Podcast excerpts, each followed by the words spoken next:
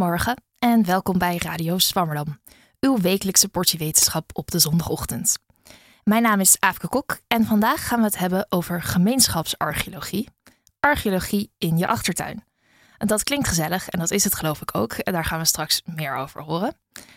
Archeologisch spelen in je eigen achtertuin kan echter niet zomaar. Er zijn strikte regels over waar je archeologisch onderzoek mag uitvoeren in Nederland. Bij bouwprojecten wordt er altijd rekening gehouden met archeologen, wat bijvoorbeeld leuke vondsten opleverde bij de aanleg van de Noord-Zuidlijn, waar we het eerder over hadden bij Zwammerdam. Maar als archeologen ergens willen graven waar al gebouwd is, waar al een huis staat met wellicht een achtertuin, dan kunnen ze niet zoveel. Gelukkig is daar een beetje verandering in gekomen met het gemeenschapsarcheologieproject CARE aan, van de UvA, waarbij archeologen samen met burgers uit Brabant opgravingen doen. Uh, aan tafel zitten vandaag daarom Helene van Londen en Laura Snijder, uh, beide docent aan de UvA en betrokken bij dit project. Welkom beiden. Uh, Helene, jij bent landschapsarcheoloog. Had je vroeger ook wel voor archeologie willen spelen in de achtertuin? Nou, toen wist ik het denk ik nog niet. Wat ik heel graag deed, um, dat is in het veengebied graven en met name bagger naar boven halen. Dat stinkt dan een beetje. En stiekem vond ik dat heel erg lekker. en ik denk dat daar de kiem zit van mijn uh, beroepskeuze. Al, ook al echt al dingen gevonden? Je vindt altijd van alles in de bagger, ja. ja. Mooi. Um, uh, Laura, jij bent opgeleid in de psychologie en in die hoedanigheid ook betrokken bij het project. Maar ondertussen ja. ben je ook bezig met een master in de archeologie. Uh, zit er eigenlijk een beetje raakvlakken tussen die twee vakgebieden? Of zijn het toch eigenlijk wel erg gescheiden werelden? Ja, goede vraag. Um, ja, er zit zeker overlap. Ik zag die in het begin uh, ook niet zozeer. Maar de archeologie beweegt ook heel erg toe naar dat het welzijn bijvoorbeeld op moet leveren voor burgers. Of dat het zin moet hebben voor burgers. Uh, en daar komt de psychologie ook weer om de hoek kijken, want je moet dat ook kunnen meten en in kaart kunnen brengen. Dus in die zin hebben ze zeker met elkaar te maken. Nou, leuk. Daar gaan we volgens mij nog uh, veel meer over horen. Uh, en dan zal ik ook nog even mijn co-presentator van vandaag voorstellen, Matthijs Terkuilen. Goedemorgen. welkom, Matthijs. Um, zou jij je eigenlijk opgeven voor zo'n gemeenschapsarcheologieproject? Nou, ik moet wel zeggen dat ik in mijn jeugd toch wel heel vaak met een metaaldetector langs de ja, langs plekken gest, uh, gestruind ben op zoek naar bijzondere dingen. Dat spreekt natuurlijk erg tot de verbeelding. Dus die interesse die is er zeker. Heb jij toen leuke dingen gevonden? Nee, nee, nee. Ik had toch misschien het geduld er niet voor. niks, niks wat ik me kan herinneren in ieder geval. Nou, wie weet komt er nog een keer een kans als zo'n project naar Amsterdam zou komen. Um, nou, het lijkt me goed om eerst even te beginnen met wat is CARE eigenlijk? Um, waar staat trouwens de afkorting eigenlijk voor? Community Archaeology in Rural Environments. Dus, ja. Nou, um, en ja, CARE is in, in, in Nederland best wel nieuw, maar hoe is het eigenlijk begonnen? In Engeland heeft Carenta Lewis, die zou je kunnen kennen van het uh, BBC-programma Time Team, een methode bedacht voor veldverkenning, survey heet dat. Um, waarbij je vierkante metervakjes uitstrooit over een plek. En dat kan dus ook een dorp zijn. En dan kan je, als je bepaalde diepte hanteert, overal op dezelfde manier uh, ja, de waarnemingen combineren en de vondsten verzamelen. En dan krijg je dus een idee waar het oudste zit en het jongste materiaal zit. En vaak zie je dan dus een verschuiving van een woonkern van oud naar jong. Ja, dus om, om door die verschillende putjes zeg maar, met elkaar te vergelijken, kan je dan over een gebied. Een ja, verkenning krijg je het gebied in de vingers. Zij is daar dus mee begonnen in Cambridge. Um, en heeft dat jaren gedaan. En zit nu in Lincoln University. Um, vanwege haar televisiewerk is ze altijd gericht geweest op burgers, op de gemeenschap, op samen doen. En haar leerstoel gaat eigenlijk over um, de impact van, uh, van wetenschap uh, uh, voor burgers. Wat hebben burgers eraan? Ja, bij een van die dorpen in Engeland waar zo'n project plaatsvond, Market Bosworth, is een videoverslag gemaakt door de Market Bosworth Society. Uh, laten we even naar een fragmentje luisteren om een indruk te krijgen van hoe het er daar aan toe ging. Okay, so has begun with um, all the volunteers arriving and registering. It's a nice day. We were a bit worried last night. It was tipping it down with rain. Everybody's registered for the project and we start the briefing. The briefing, I will take everybody through um, health and safety so they don't hurt themselves during it. I will t- explain why we're doing it to everybody so they've got a basic idea of why we're digging in Market Bosworth. And I will explain very quickly how to dig a test pit. They will then gather their equipment up. They will go out to their test pits and then they'll start digging it, and supervisors then will help them uh, through the rest of the weekend. You ask anyone, and everybody knows Market Bosworth because of the Battle of Bosworth. The town's recent sort of narrative has all been towards the battle. And you look at the historical and the archaeological record, the, the work that's been done here in the past, and there's some interesting questions. There is evidence under the town of activity going back to the Bronze Age. But after each of those things, there's a question mark. We don't know what the Bronze Age activity is. We don't know what the Roman activity is. So hopefully, this project will help resolve some of those questions we have. Ja, leuk. Dat was dus uh, in Engeland. Um, zijn er in Nederland ook zulke prangende archeologische vragen uh, wat jullie ertoe aanzetten om uh, ja, het hier nou op te gaan of, pakken? Nou en of, nou en of. Um, met collega Johan Verspij um, heb ik een studie gedaan. anderen zaten ook in dat team. Over ehm, het ontstaan van Nederlandse dorpen. En dat is een groot raadsel. En dat raadsel is dat in het buitengebied waar we eigenlijk altijd graven, dus buiten de bestaande dorpen van nu, die uh, zeg maar, eerste clusters verdwijnen ergens uh, in de middeleeuwen. Ze houden op. Ja, waar gaan die mensen heen? Dat weten we dus eigenlijk niet. Dus er is eigenlijk een soort uh, gat in, in jullie opgravingen. Ja, ja.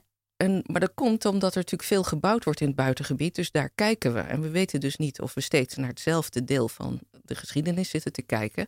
Maar omdat de dorpen maar bewoond blijven, weten we niet of die bewoonde dorpen uh, in oorsprong uh, uit dezelfde periode dateren. In het fragment ging het ook nog over de activity. Dat, dat je aan de uh, hand van wat je opgraaft, de activity van uh, de mensen die daar waren, kan bepalen. Gaat het dan over wat ze in hun dagelijks leven deden? Of meer de activity van waar woonden ze en waar, ging, dat, waar ging dat dorp heen? Um, er zijn verschillende niveaus. Um, op het moment dat je wat doet, uh, je graaft een gat, dan laat je sporen achter. En dat kan je herleiden. Dus, dus net zoiets als een, uh, hoe dan het, als je moord pleegt, dan laat je ook sporen achter. Dan kan je dus je, door het lezen van die sporen, kom je erachter wie het uiteindelijk gedaan heeft. Dus van materie naar handeling, dat is eigenlijk de basis van de archeologie. Um, je kan dus naar de vondsten kijken. Een pijpenkop, dan heeft er iemand een pijpje gerookt. Een akkerlaag, dan is er een boer bezig geweest met bouwgrond. Um, en zo heb je verschillende indicatoren die dus uh, je ja, een idee geven voor welke activiteit er heeft plaatsgevonden.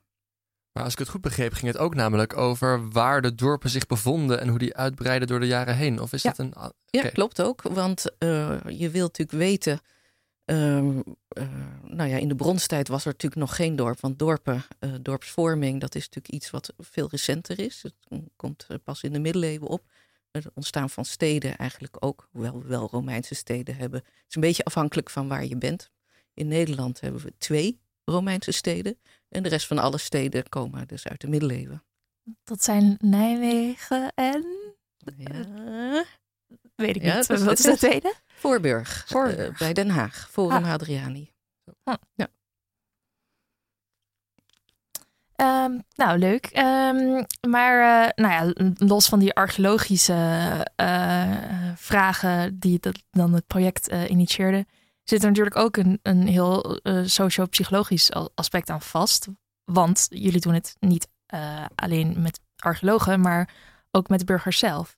Um, wat is uh, dat, dat, dat deeldoel van het project? Ik denk dat het ook is geïnspireerd, of ik weet dat het ook is geïnspireerd door het werk van Corinne Lewis in Engeland. Die observeerde als je dat samen doet met bijvoorbeeld tieners dat ze dan ontzettend geïnspireerd kunnen raken door de wetenschappelijke methode bijvoorbeeld. Of dat ze um, meer zelfvertrouwen krijgen in hun eigen academische capaciteiten. Uh, en dat ze dan meer zin hebben om naar de universiteit te gaan bijvoorbeeld. Um, maar breder gezien kan het ook mensen met elkaar verbinden omdat je samen aan het graven bent en samen aan het interpreteren. En je bent uh, dat gedurende een weekend aan het doen. Je drinkt samen koffie. Je praat over het project. Uh, dus het verbindt ook op die manier. En die effecten eh, werden geobserveerd door Coenza. Die heeft er ook over gepubliceerd. En dat leidt tot de hypothese dat het niet alleen archeologische kennis oplevert, maar dat die vorm van onderzoek doen ook leidt tot verbinding op meerdere niveaus en tot welzijn. Ja, ja. Van, van de hele gemeenschap. Van de gemeenschap, ja. En, en um, dat is dus tot, tot nog toe nog maar een hypothese? Het is, er zijn studies naar geweest, vooral in Engeland, omdat het hier dus eigenlijk ook zo nieuw is, deze methode. Um, maar het is zeker nog iets wat meer onderzoek verdient, ja. die vraag. Nou, daar, daarvoor ben jij uh, bij het project uh, betrokken. Ja. Ja, um, ja en jullie zijn uh, begonnen in, in Brabant. Um, is Brabant archeologisch heel interessant? Of wat, ja, waarom Brabant eigenlijk? We doen daar uh, bij de UvA al heel lang onderzoek. Dus we kennen het gebied redelijk. en het is de plek waar zeg maar de, mijn mede-onderzoeker postdoc Johan Verspaai als een vis in het water is. Dus hij kent ook daar de gemeenschappen goed, de verenigingen goed. En op het moment dat je dus mensen wil uitnodigen, moet je contact zoeken. Uh, en dan helpt het als je al een netwerk hebt. Dus het had ook zeg maar, een, een deel, ja, pra een, een, pragmatische achtergrond waarom we daarheen wilden. Ja, om juist dat gemeenschapsdeel uh, ja. goed van de grond te laten komen. Ja, het project duurt maar drie, drie jaar. En dus als je heel veel tijd moet investeren in het uh, ja, contact maken daar en het uitleggen wie je bent, dan gaat daar dus al een deel van de tijd aan op. En dat is zonde. Ja, want die drie jaar, dat is uh, de subsidie die je tot, nog toe gekregen hebben voor dit project. Ja, het project is een Europees project. Um, we doen het dus ook uh, met andere uh, landen samen. Carenza Lewis is, leidt het project, dus vanuit Lincoln Universiteit. Um, Tsjechië doet mee en Polen doet mee. Dus we hebben twee landen in het westen van Europa en twee in het midden van Europa. U zei, je hebt maar drie jaar en hoe vaak, um, maar hoe lang blijven jullie bij één, één plek, bij één gemeenschap? Uh, we komen ieder jaar terug. Dus we hebben een aantal gemeenschappen. En daar willen we drie achtereenvolgende jaren, in ieder geval twee, ik weet niet of we een derde echt ook halen, ja. um, een eerste keer en een tweede keer komen. En is dat voor de bevolking uh, handig of is dat ook archeologisch uh, of wetenschappelijk handig dat je elk jaar opnieuw metingen doet? beide, want je moet eerst um, komen en dan leren ze je kennen en dan heb je de eerste resultaten met de eerste putten. Uh, als je terugkomt, dan zijn mensen natuurlijk nieuwsgierig. Wat is er uitgekomen? Vertel me. En, uh, en kunnen we verder zoeken? En dat ga je dan natuurlijk doen met, de, met het bijgestelde inzicht. Ja, laten we nog wel wat, wat dieper ingaan even op die proefputjes zelf. Want je noemde het net al even. Dat zijn dus uh, uh, vlakjes van één vierkante meter waarin gegraven wordt. Uh, is, er, is er een reden voor dat ze zo klein zijn? Tenminste, voorbij klinkt dat klein. Misschien. Nou, voor een verkenning is het groot, want meestal ah. boren we. en dan heb je dus een, nou ja, een boorkern, dat is dus een, een paar centimeter doorsnee. dus één vierkante meter is voor een verkenning eigenlijk al heel veel. en dat gaat tot 1,20 meter diep.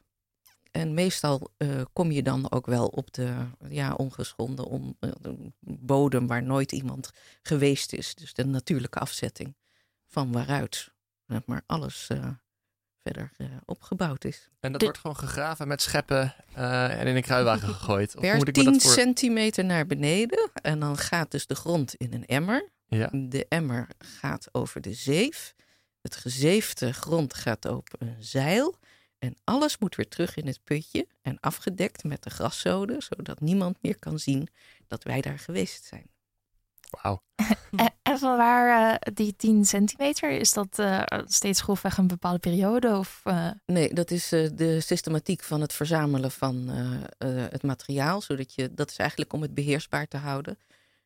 dus dat je weet per horizon wat eruit gekomen is. Uh, als het putje gegraven is, dus dan heb je 1 bij 1 en dan 1,20 diep, dan heb je natuurlijk de wanden van dat putje. Die moet je natuurlijk mooi uh, afsteken. Dat heet in vaktaal profielen. En daar kan je dan de lagen heel goed zien. En dan kan je bij het uitwerken die 10 centimeter koppelen aan de opbouw van lagen. En die lagen, die kan je nou wel aan tijd hangen. Want hoe zit dat dan precies? Nou, um, op de ongestoorde bodem beginnen mensen uh, activiteiten te ontwikkelen. Dus je gaat dan een boer die gaat akkeren, dan krijg je 10 centimeter akkerlaag. Daarbovenop, dan gaan weer generaties verder en zo stapelt zich dat op. Dan graaft er eens iemand een kuil, dan gaat er weer wat weg. Um, nou, dat gaat door en door en door en door. En meestal heb je dus ja, pakketten van meters. Soms, in ieder geval in het uh, natte deel van Nederland, kunnen dat echt meters zijn van, uh, van lagen waar mensen dingen gedaan hebben. En dan kun je aan de hand daarvan een beetje dateren waar, uh, uit welke tijdperk een bepaalde vondst ongeveer komt. Ja, we hebben heel veel verschillende technieken om te dateren. Materiaal zelf. Ja, aan aardewerk kan je veel aflezen. Uh, maar er zijn ook uh, meer, ja, de meest bekende is het C14-datering, waarbij je het afbreken van koolstof meet. en dan heb je op 30 jaar nauwkeurig de datum. Soms als je hout hebt, kan je jaringen tellen. Uh, en dan hebben we kalenders gemaakt van eikenhout, waarbij je precies op het jaar weet wanneer het is. Um, en uh, een nieuwe techniek is thermoluminescentie. En dan kan je meten wanneer grond voor het laatst daglicht gezien heeft. Oh, wauw. Nou. Wow. ik heb ook nog een vraag. Ik vind het fascinerend dat je dus door te graven eigenlijk teruggaat in de tijd. Ja. Als ik het goed begrijp, dan elke generatie er, ontstaat, ja, er ontstaat nieuw, nieuwe materie, die komt op de volgende laag. Ja.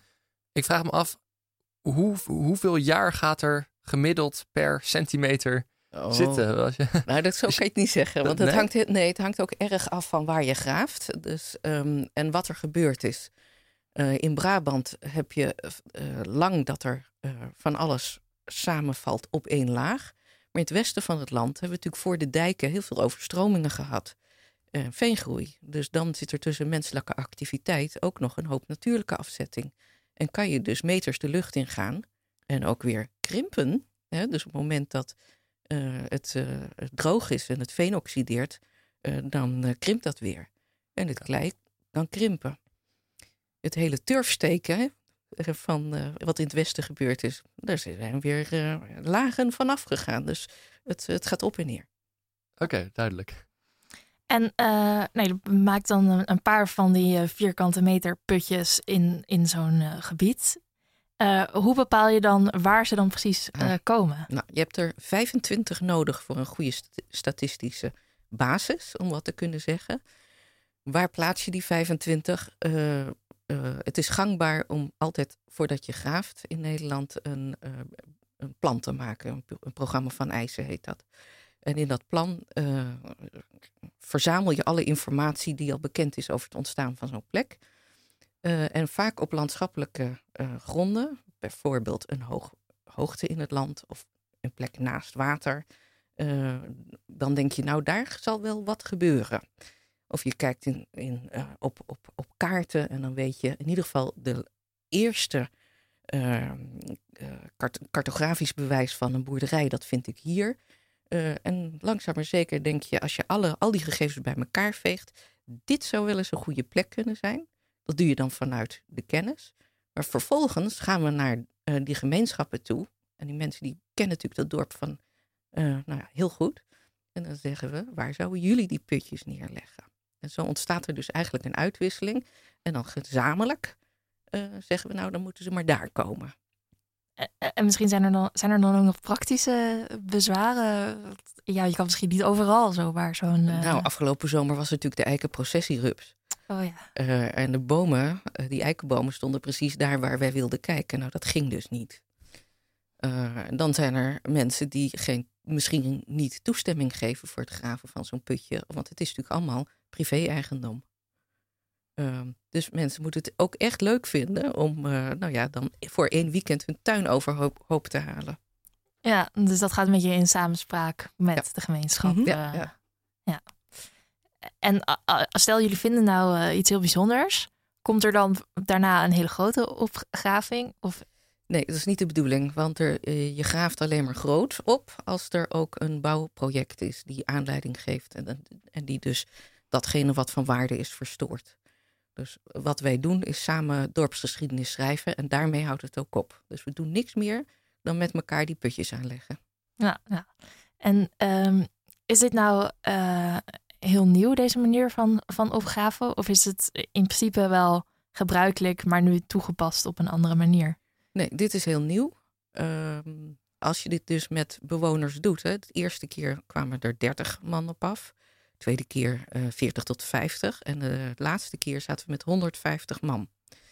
Zoveel capaciteit heb je normaal gesproken niet met je eigen archeologische team. Dus het gaat enorm veel sneller.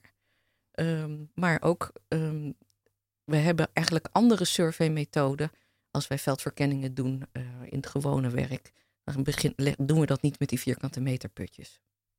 Want daarvoor is het handiger als je er heel, als je heel veel mensen erbij hebt. Nou, dat doen we. We hebben veel uh, boringen. Dus dan ga je eigenlijk niet graven, maar je prikt een gaatje en dan kijkt wat er, wat er in je boorkern zit. En als dat dan uh, aanleiding geeft tot verder kijken, dan leggen we meestal proefsleuven aan. En dat zijn uh, nou, twee meter breed en dan nou ja, zomaar meters lang. Maar dat kan natuurlijk alleen in het buitengebied. Dat kan helemaal niet in een dorp. Nee, dat, dat binnen in een dorp lijkt nee. dat wat nee, Dus die maat heeft ook wat met het, met het ja. dorp te maken. Ja. Um, ja, die vrijwilligers, dat uh, lijkt me uh, goed om verder even over, over, te praten. Um, jullie waren dit jaar genomineerd voor de Grote Archeologieprijs. Helaas niet gewonnen. Maar er is wel een mooi filmpje gemaakt voor deze prijs door de Stichting Archeologie en Publiek. En daarin komen ook een aantal vrijwilligers uit dit project aan het woord. Laten we daar even naar luisteren. Ik sta hier nu met uh, Arnold van den Broek. Uh, dat is een, de voorzitter van de erfgoedvereniging Kekliemt uh, hier in het dorp. Arnold, we staan op een hele bijzondere plek volgens mij nu. Wij staan zeker op een bijzondere plek. kijk maar, ik sta er zelfs bovenop. hier hebben inwoners van ons dorp gegraven. Maar echt archeologisch onderzoek gedaan? Echt archeologisch onderzoek gedaan. En waarom? Waarom wil je nou niet weten hoe dat je dorp ontstaan is, waar je woont? want zonder verleden, heden, is er ook geen toekomst. Vandaar dat we echt gegraven hebben in de grond. Daar konden mensen zelf aan meedoen. Wat wil je nog meer? Ik sta hier met Gonnie van der Moosdijk uh, uit Woensel. Ja, een organisator ook van het, uh, het care-project in Woensel. Maar ook, ook zelf meegegraven. Ja, ik heb zelf meegegraven. Ik had een mooi putje voor de kerk van de, de Oude Toren in Woensel. En dat was een zichtlocatie. En we hebben geweldig genoten met een paar mensen om daar te kijken wat er zat in die grond. En, en wie deed er nou mee? Nou, het was een heel gevarieerd gezelschap. Studenten, oudere mensen, gezinnen, maar ook mensen bijvoorbeeld met een hoofddoekje. En het maakte allemaal niet uit. Ze werkten allemaal met elkaar samen en ze waren allemaal nieuwsgierig. Ja, nou, leuke indruk. Um, uh, ja, Laura, is, het, is dat ook jouw indruk? Dat er van allerlei mensen op afkomen? Absoluut. Ja, zoals Ronnie beschrijft, was het ook helemaal. Um, en het leuke is ook nog dat er heel veel mensen langskomen terwijl je aan het graven bent. Uh, die zich ook mengen in het proces. En die ook verhalen bij kunnen dragen. Bijvoorbeeld in Woensel kwamen er twee oudere dames langs. En die woonden daar al een hele leven. Hun familie ook. En die konden heel veel informatie bijdragen over hoe de buurt er toen uit had gezien. Um, en het bijzondere bij Woensel is dat het uh, een dorp was, maar nu een onderdeel is van de stad. Um, dus de oude, het oude dorp is helemaal plat gegooid en daarna zijn er flats gebouwd. Um, en daarom was het ook zo mooi dat er dames aankwamen die het nog meegemaakt hadden, echt als dorp. En die dat bijdroegen aan het verhaal. Dus dat is heel leuk. Ja. Uh, ja. Dus zo inspireer je niet alleen uh, de mensen die zich hebben opgegeven, maar eigenlijk echt de, uh, ja, de hele dorp, of nou in dit geval dan stadswijk. Ja, en het nodigt daar echt toe uit ook. En dat maakt denk ik ook dat het een diverse groep mensen aantrekt. Want kan iedereen er iets aan doen? Ook al ben je vijf of, of 95? Ja, letterlijk. Nou ja, 5 of 95 weet ik niet, maar 88 heb ik wel uh, gezien, zeker. Ja. Want dat, dat werk lijkt me fysiek best wel uh, zwaar als je zo'n 1,20 meter uh, grond in moet. Ja. Ja, kinderen die graven natuurlijk onder toezicht van hun ouders. En kinderen vinden het ontzettend leuk om te doen. dat graven houden ze niet zo lang vol, maar het zeven vaak wel. Uh, en soms het graven ook hoor. Er zijn echt ook jongetjes bij die fanatiek uren hebben staan graven in een veel te grote groen hesje. Want we hebben allemaal dezelfde groene hesjes. En ja, die, die kunnen daar heel lang mee doorgaan. En de oudere deelnemers kunnen bijvoorbeeld vondsten wassen of zeven. En dat gebeurt ook. Hoe, hoe lang is men ongeveer bezig met het graven van één, van één zo'n gat van 1,20 meter diep? De projecten duren een weekend per dorp. Ja. En um, dat, je hebt ook echt wel twee dagen nodig om een gat en te graven. En dus zo mooi de wanden af te schaven en vast te leggen. En netjes dicht te gooien. En daar worden, worden ze niet moe van als ze dan uh, twee dagen lang. Ja, maar het is een, een, prettige moeheid voor zover ik nu ja. kan beoordelen. Ja, omdat het zo'n leuke activiteit is ook om te doen. Dus ja, het is zwaar en ja, mensen worden er ook moe van. Maar hevige klachten zijn nog niet binnengekomen. Nee. En we hadden het net over de verschillende mensen die meededen. Wat is nou je grootste doelgroep? Als je, als je dan toch ja. moet categoriseren. Uh, ik denk komt dat er het meest op af? Ja, ik denk dat we dat dus echt niet zo kunnen zeggen, omdat het echt heel divers is. Dus dat betekent uh, gezinnen met kinderen zijn er, maar ook vrijwilligers bij de lokale heemkundekringen uh, die geïnteresseerd zijn in geschiedenis. Uh, mensen die betrokken zijn bij het dorp. Er zijn echt hele verschillende interesses en insteken en redenen waarom mensen meedoen. Ja.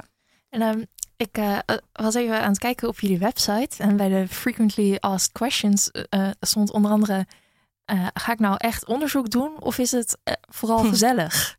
um, waar is niet het doel dat het allebei is?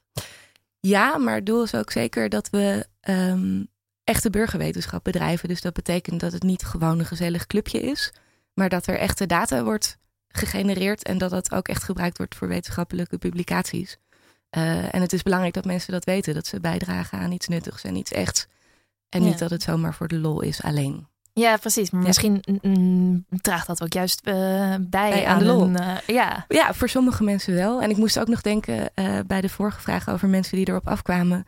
Waren inderdaad ook twee studenten in het project bij Woensel.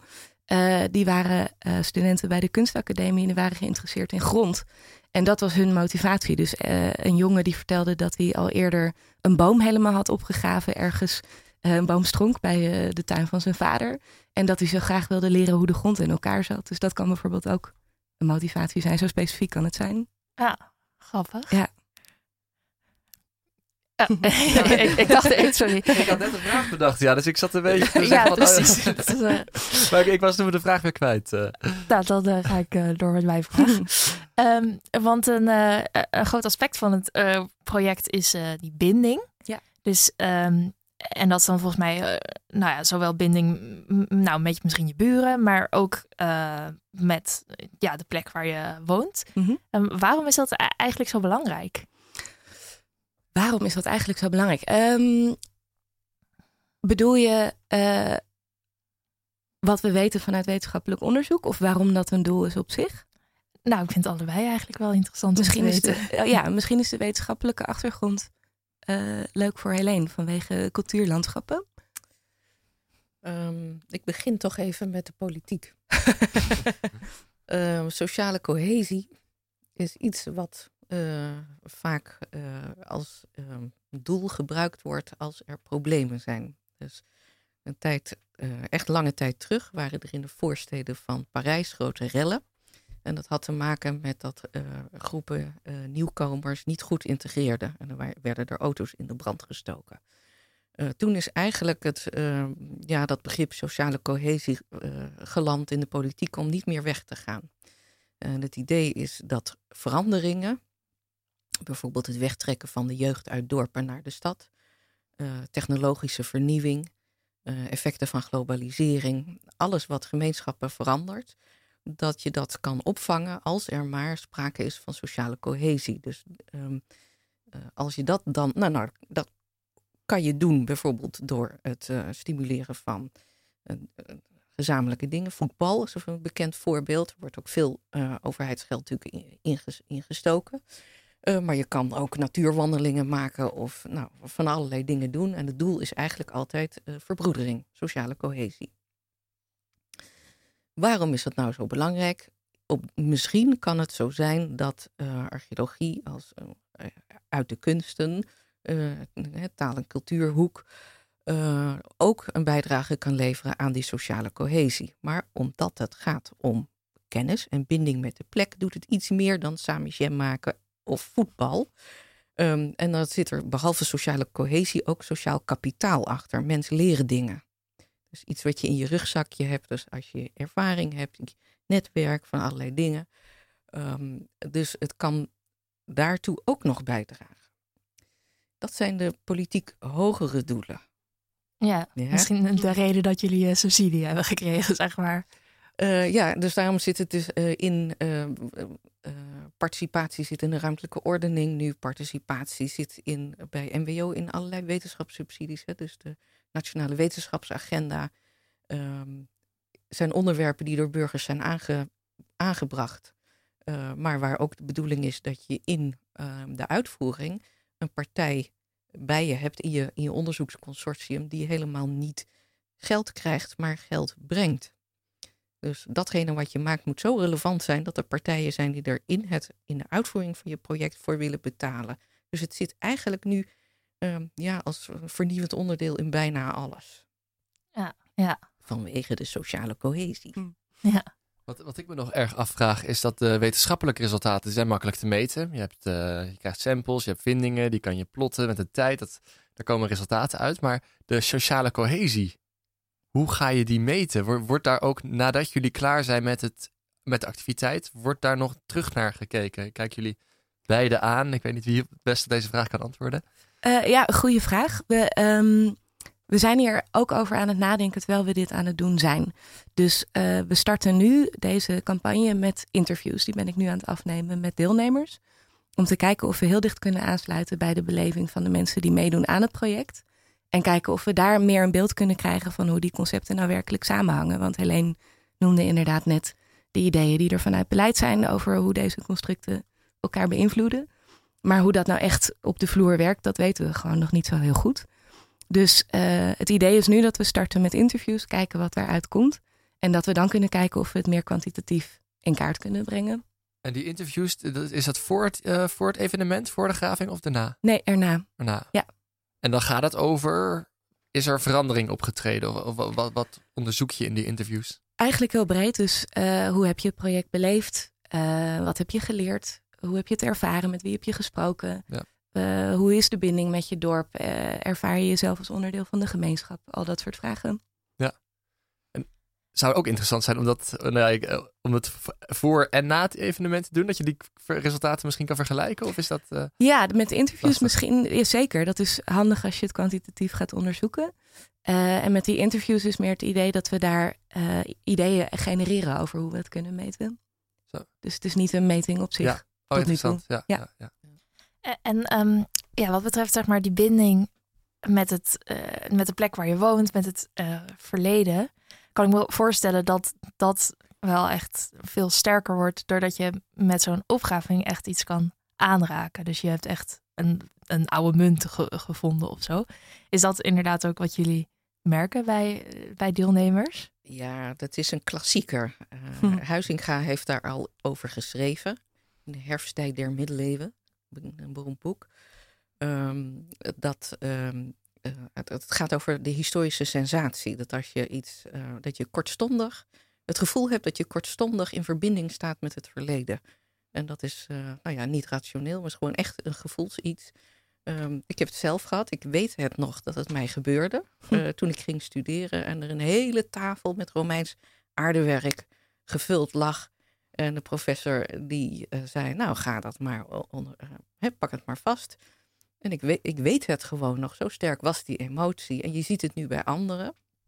En ik moet het moet je zeggen dat een van de dingen waar ik zo blij van word met dit project gaat dus eigenlijk over de nieuwsgierigheid van de mensen die echt gewoon in die zeef zitten met hun neus erbovenop om te kijken wat ze eruit kunnen vissen. Dan graag willen horen van ons, wat heb, wat heb ik dan? Uh, maar ook gewoon de opwinding als, als er dus echt iets is. Uh, zo hadden we een, een kogel die mogelijk uh, nog uit de 80-jarige oorlog komt, die helemaal onderin zo'n putje vandaan kwam. En waarbij je dus eerst denkt van ja, dit is wel wat. En degene die het gevonden had, die was echt helemaal, die, mevrouw, die was ah, zo. Dat is gewoon heel erg leuk.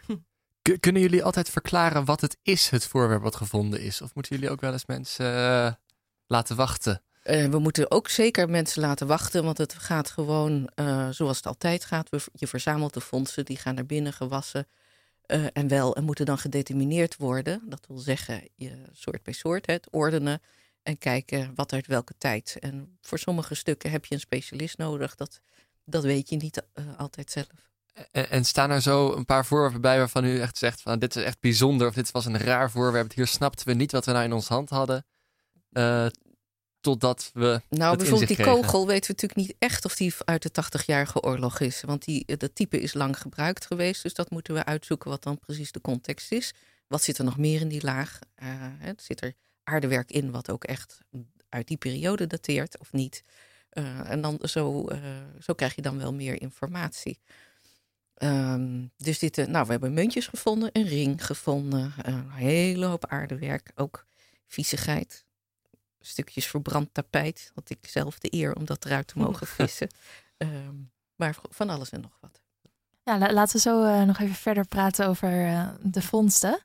Ehm, maar eerst ehm, eh, wil ik nog even verder ingaan op het socio-psychologische deel. Want als ik het goed begrepen heb, probeer je een soort van te achterhalen wat het welzijn nou precies is en eh, wat daaraan bijdraagt.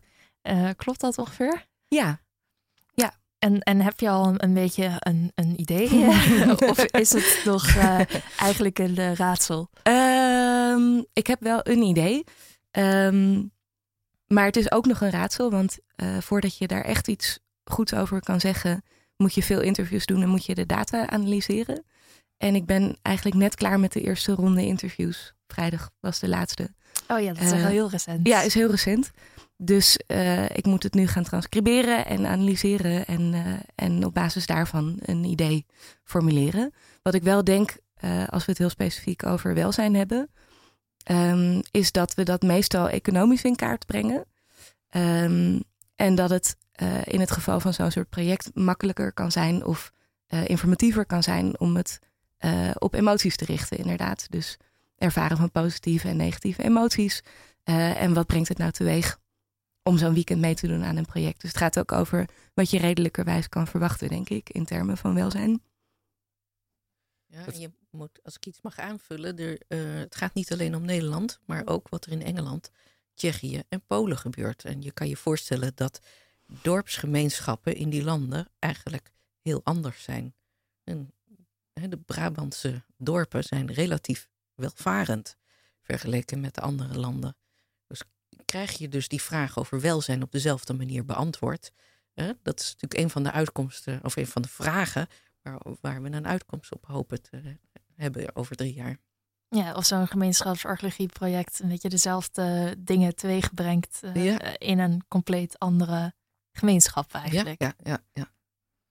Het gaat tegenwoordig, eh, lees je veel over eenzaamheid. Vooral in de, ste- in de stedelijke omgeving wonen mensen wel heel dicht bij elkaar, maar men praat niet meer met zijn buren, die kent hij niet meer. Mhm. Ehm, het CARE-project is natuurlijk het eh, uitgelezen, het perfecte project om daar verandering in te brengen.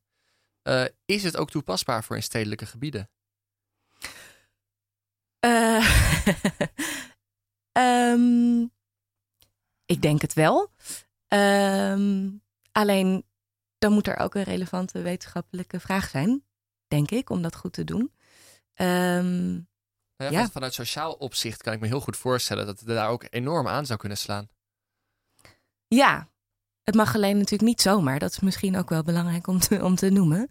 Of in ieder geval Van, van wie niet? Eh, eh, het is belangrijk dat het onder toezicht gebeurt van een archeoloog. Nee, ook, tuurlijk. Ja. Ehm, En zeker als je dat op grotere schaal wil doen. De putjes mogen inderdaad... Je mag gewoon in je eigen achtertuin graven natuurlijk.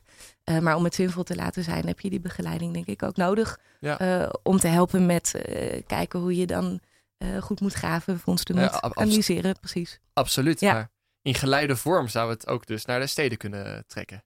Ja, zeker. We, een van de dingen die we hopen te, te produceren met het project is een leidraad, zodat anderen het ook kunnen doen. Wij doen het nu voor het eerst in Nederland, maar het lijkt nu al gewoon eigenlijk aan te slaan.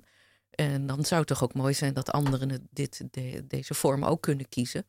Eh, steden kan wel. Je hebt daar natuurlijk heel veel meer verharding. Dat is een, eh, een dingetje wel, want je moet natuurlijk toch eh, naar beneden. Ja, ja, ja. ja. Ehm, en de oppervlakte is natuurlijk veel groter. Dus je komt met je 25 putjes niet goed uit. Ja. Want je hebt heel veel Ja. meer putjes nodig. Ja. Dus, eh, die, die eenzame stedelingen, die moeten we toch naar het, vast, eh, naar het platteland zien te trekken. Ja, Ja. er zijn natuurlijk ook andere vormen. Het project wat de prijs wel gewonnen heeft, heeft dat in de stad gedaan. Weet je, die archeologieprijzen waar je net aan refereerde. Ehm, en eh, dat was het eh, analyseren van wat meer recent vuilnis. eh, van een paar generaties terug. En die generaties die hebben we gelukkig nog in, het bejaardenhuis. Dus daar gingen de spulletjes uit van die mensen hun vuilnis van weleer op tafel. En die mochten daarin graaien. En zeggen van, weet u nog waar dit over ging? En Oh ja. dat, eh, dat, heeft, dat eh, sloeg dus enorm aan. Grappig. Ja, Ja, een leuk, andere manier van gemeenschapsarcheologie. Ehm, ja, we hadden het net al eh, even over een paar vondsten die eh, zijn gedaan. Ehm, eh, een van de plekken waar jullie eh, al zijn geweest met het project is Moensel. En we hadden, hadden het daar, daar net ook al even over. Eh, dat is dus een stadswijk van Eindhoven. Maar ooit was het een eh, belangrijk middeleeuws dorp, als ik het goed begrepen heb. Ehm, al zie je daar nu dus niet echt meer eh, veel van, van terug. Ehm, en eh, jullie collega eh, Johan Verspij vertelde bij de podcast van Brabants Erfgoed over de eerste resultaten van de opgravingen in Woensel. Eh, laten we daar even naar luisteren. Dus die bovenste horizonten, daar zie je natuurlijk die, die, dat moderniseringsproces zie je in terug. Hè, met Mhm. eh, geroerde grond en allerlei puin en, en moderne eh, materiële neerslag. Mhm. Maar daaronder, die, eh, die oudere horizonten, die waren ook nog gewoon intact. En eh, nou, op sommige plekken, dan, dan zie je toch, kom, kom je nog op die, die, eh, die, die prehistorische niveaus uit. Ondanks al het, eh, het, het 20e eeuwse geweld, als het ware. In, midden in een moderne woonwijk. Precies, midden, midden in een van de moder- modernste steden van, van Brabant. Ja, misschien ja, wel ja. Eindhoven. Ja, en, en, we hadden op, op sommige plekken echt ook nog archeologische sporen eronder zitten. Op één plek hebben we een, een middeleeuwse waterput gevonden. In dat vierkante meter putje. Oh, gewoon eh boem, raak. dus, eh, en dat ligt dan ook nog vrij in een, eh, in een perceeltje, in een grasveldje. Dus Mhm. dat zou iets zijn waar je in het vervolg nog wat mee, eh, Ah, ja. mee kan. Maar ik denk het mooiste putje daar was wel een, een, een, gaatje wat we gegraven hebben aan de voet van een, van een flat die daar in 1972 is neergezet. Mhm. En dat putje hadden we gepland een beetje in de noordelijke uitloper van het buurtschap Het Broek, wat daar lag en wat dan een, een bepaalde ontwikkelingsfase van het eh, dorp Woensel eh, markeert.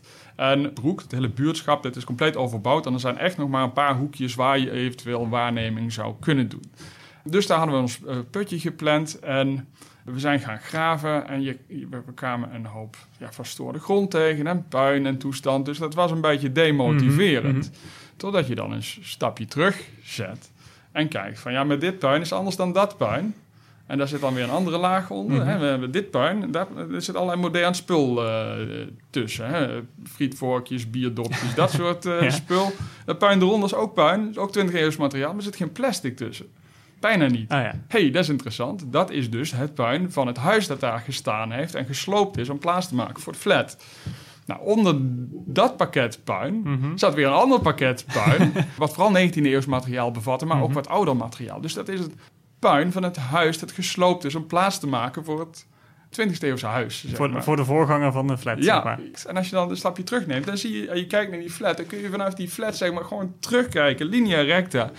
In. verschillende Ja, de, de bewoningsfasen, zo hup de 17e eeuw in. eh. Oh, dat is heel gaaf. en dan heb je gewoon in één putje, heb je eigenlijk die hele bewoningsgeschiedenis van die plek eh, Ja, heel in vet. beeld. Heel vet. Ja, we hebben ook leuke, leuke vondstjes gevonden, zeg maar. eh, hè, qua figuratieve pijpenkopjes, wat muntjes, knoopjes, dat soort spul. Dus heel leuk. van die kleinoden die die geschiedenis ook gewoon tastbaar maken. Ja, dat eh, was jullie collega. Ehm, eh, alleen eh, ben je het met hem eens? Eh, vond je dat ook eh, het mooiste putje? Nou, nee, want daar was ik niet bij. Dat, dat was zeker niet mijn mooiste putje. Maar wat was jouw mooiste putje? Ja, dat is een goeie. Ik denk mijn eerste putje ehm, in eh Best-Aarle, eh, vlak bij de kapel.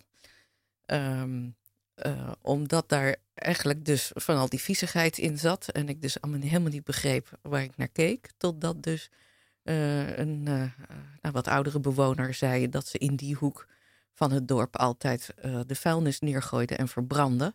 Eh, want ze hadden dus niet een vuilnisdienst, kennelijk, met zakken. En het werd niet weggehaald, maar het werd gewoon op het dorpsplein verbrand. En toen snapte ik dus meteen waar ik naar keek. En dat ging dus echt gewoon eh, weer laag en diep. Dus het was een, eh, op die plek eh, iets wat heel lang aan de gang ging. Dus dat, Ja. dat heeft wel indruk op mij gemaakt. Dus voor mij dus eigenlijk niet eh, het fondsje, maar meer de activiteiten waar je net naar vroeg. Generaties lang hebben mensen daar hun vel verbrand. Hebben ver, vuil verbrand, ja. Ja, Ja, dat Interessant. kan je dan zomaar terugvinden eh, Ja. als je Ja, ja. even de grond ingaat. Ja. Ja. En eh, ehm, zijn er, komen er dan ook echt waardevolle eh, spullen eh, naar boven? Of is het vooral eh, waardevol in, in de zin van kennis? Dat laatste, ja, tot nu toe. En ik hoop ook niet dat we echt aan het, eh, zeg maar, een, eh, het goud en het zilver. Het zit trouwens ook niet, het is niet de goede hoek voor. eh, eh, qua viking zilver en zo moet je in Noord-Holland wezen. Ah, nou, goed om te weten. Wat zou er gebeuren als iemand dat wel opgraaft? Mag je dat wel zelf houden of is dat voor de organisatie? daar is regelgeving voor. Ehm, dus op het goed. moment. Ja, nee, dat, is, dat, dat staat in de wet. Eh, dus op het moment dat het een gerichte campagne is, eh, dan is het van de gemeenschap. Vind je zomaar, terwijl je je hortensia aan het planten bent in je achtertuin, één pot met goud, dan is het de helft voor de vinder en de helft voor de eigenaar van de grond. Goed om te weten. En ehm, ja, is het eh, nou, die, die, die methode met die eh, eh, putjes, nou, levert dus best wat eh, resultaten op. Zou je het ook beschrijven als een, een goede methode voor archeologisch onderzoek? Ja, zeker. Wij- waren onzeker over de kwaliteit van eh, de lagen in de dorpen. We wisten helemaal niet of dat allemaal verstoord was en, of het te lezen was. Dus het grootste risico van het project was, we, we, gaten, we graven gaten en de kwaliteit is slecht. Nou, gelukkig is dat niet zo. Dus de dorpen die we nu gezien hebben, dat, die zijn dus heel goed leesbaar. Dat is één. Eh, twee, we gaan terug naar de door ons gewenste tijd en verder terug. Eh, dus eh, we zitten goed. Wat we nog niet hebben is het gewenste aantal van 25 putjes. Dus we moeten meer hebben om gewoon een echte uitspraak te kunnen doen. Ja, en is dat dan ook waar, jullie, waar jullie volgend jaar vooral op gaan richten? Of zijn er andere dingen eh, Nou, we willen de dorpen die we hebben gekozen, daar willen we dus het goede aantal hebben. En ehm, nou ja, hopen ook dat we eh, tot een gezamenlijk eh, aanvullen komen van de geschiedenis. Dus het is leuk om de verhalen waar Laura het net over had, mensen die komen vertellen, om die te verweven in, nou, in zo'n ontstaansgeschiedenis. En dan wordt het dus ook iets van, nou ja, ja van de gemeenschap zelf. Ja, precies. Ja. Hun eigen verhaal dat Ja. ze zelf eh, Ja. hebben opgegraven. Er zouden ook eh, hele kunstwerken uit kunnen ontstaan. In de intro, eh Aafke, had je het al over de Noord-Zuidlijn. De opgravingen daar die zijn prachtig gesorteerd en gecategoriseerd in, eh, naast de roltrap waar je afdaalt. Ja. Ik kan me ook voorstellen, als dorp zijnde ben je toch trots op je dorp. Je wil eh, ook je geschiedenis omarmen. Dat die voorwerpen misschien ook wel voor kunstenaars en eh, Ja, wie weet. begin kunnen ja, zijn. Wie weet, het, wat het nu al dus, hè, dat, is dat eerste jaar, en- maar dat waren de eerste maanden, is dat eh, de scheppen die we nodig hadden, die kregen we eh, gereduceerd van het tuincentrum lokaal. Iemand anders ging dat voor ons eh, scherp maken. En We kregen een biervat geschonken voor een avond. Hè. Dus er zijn heel veel eh, ondernemers die denken, god wat leuk. En dus de, de donoren die groeien eigenlijk ook. Hartstikke leuk. Ja, Nou. laat, laat wel zien dat het project aanslaat, dat het aanspreekt. Ja. Wou ik zeggen. Ja. Ja, goed om te horen. Ehm, en, eh, maar het gebeurt dus niet alleen in Nederland. Want jullie hebben dus ook... eh, nou, het begon dus in Engeland, maar ook dus nu in Polen en Tsjechië. Ja. Ehm, hebben jullie al een beetje een idee van eh, of, hoe het er daar aan toe gaat? En of er verschillen zijn of overeenkomsten? Nou, 18 december ontmoeten we elkaar in het Groene Woud in Liemt. Dan ontvangen Ah. we, zijn wij aan de beurt voor een, eh, eh, als gast eh, vrouwen in dit geval. Een heer als bij Johan. En dan komen ze naar ons toe en dan presenteren ze wat zij gedaan hebben. Zij hebben ook hun eerste campagne gehad.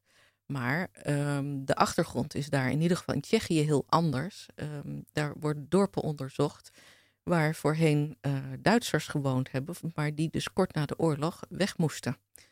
Ehm, en de mensen die er wonen, die wonen er dus eigenlijk één, twee generaties. Die hebben dus een wat andere binding.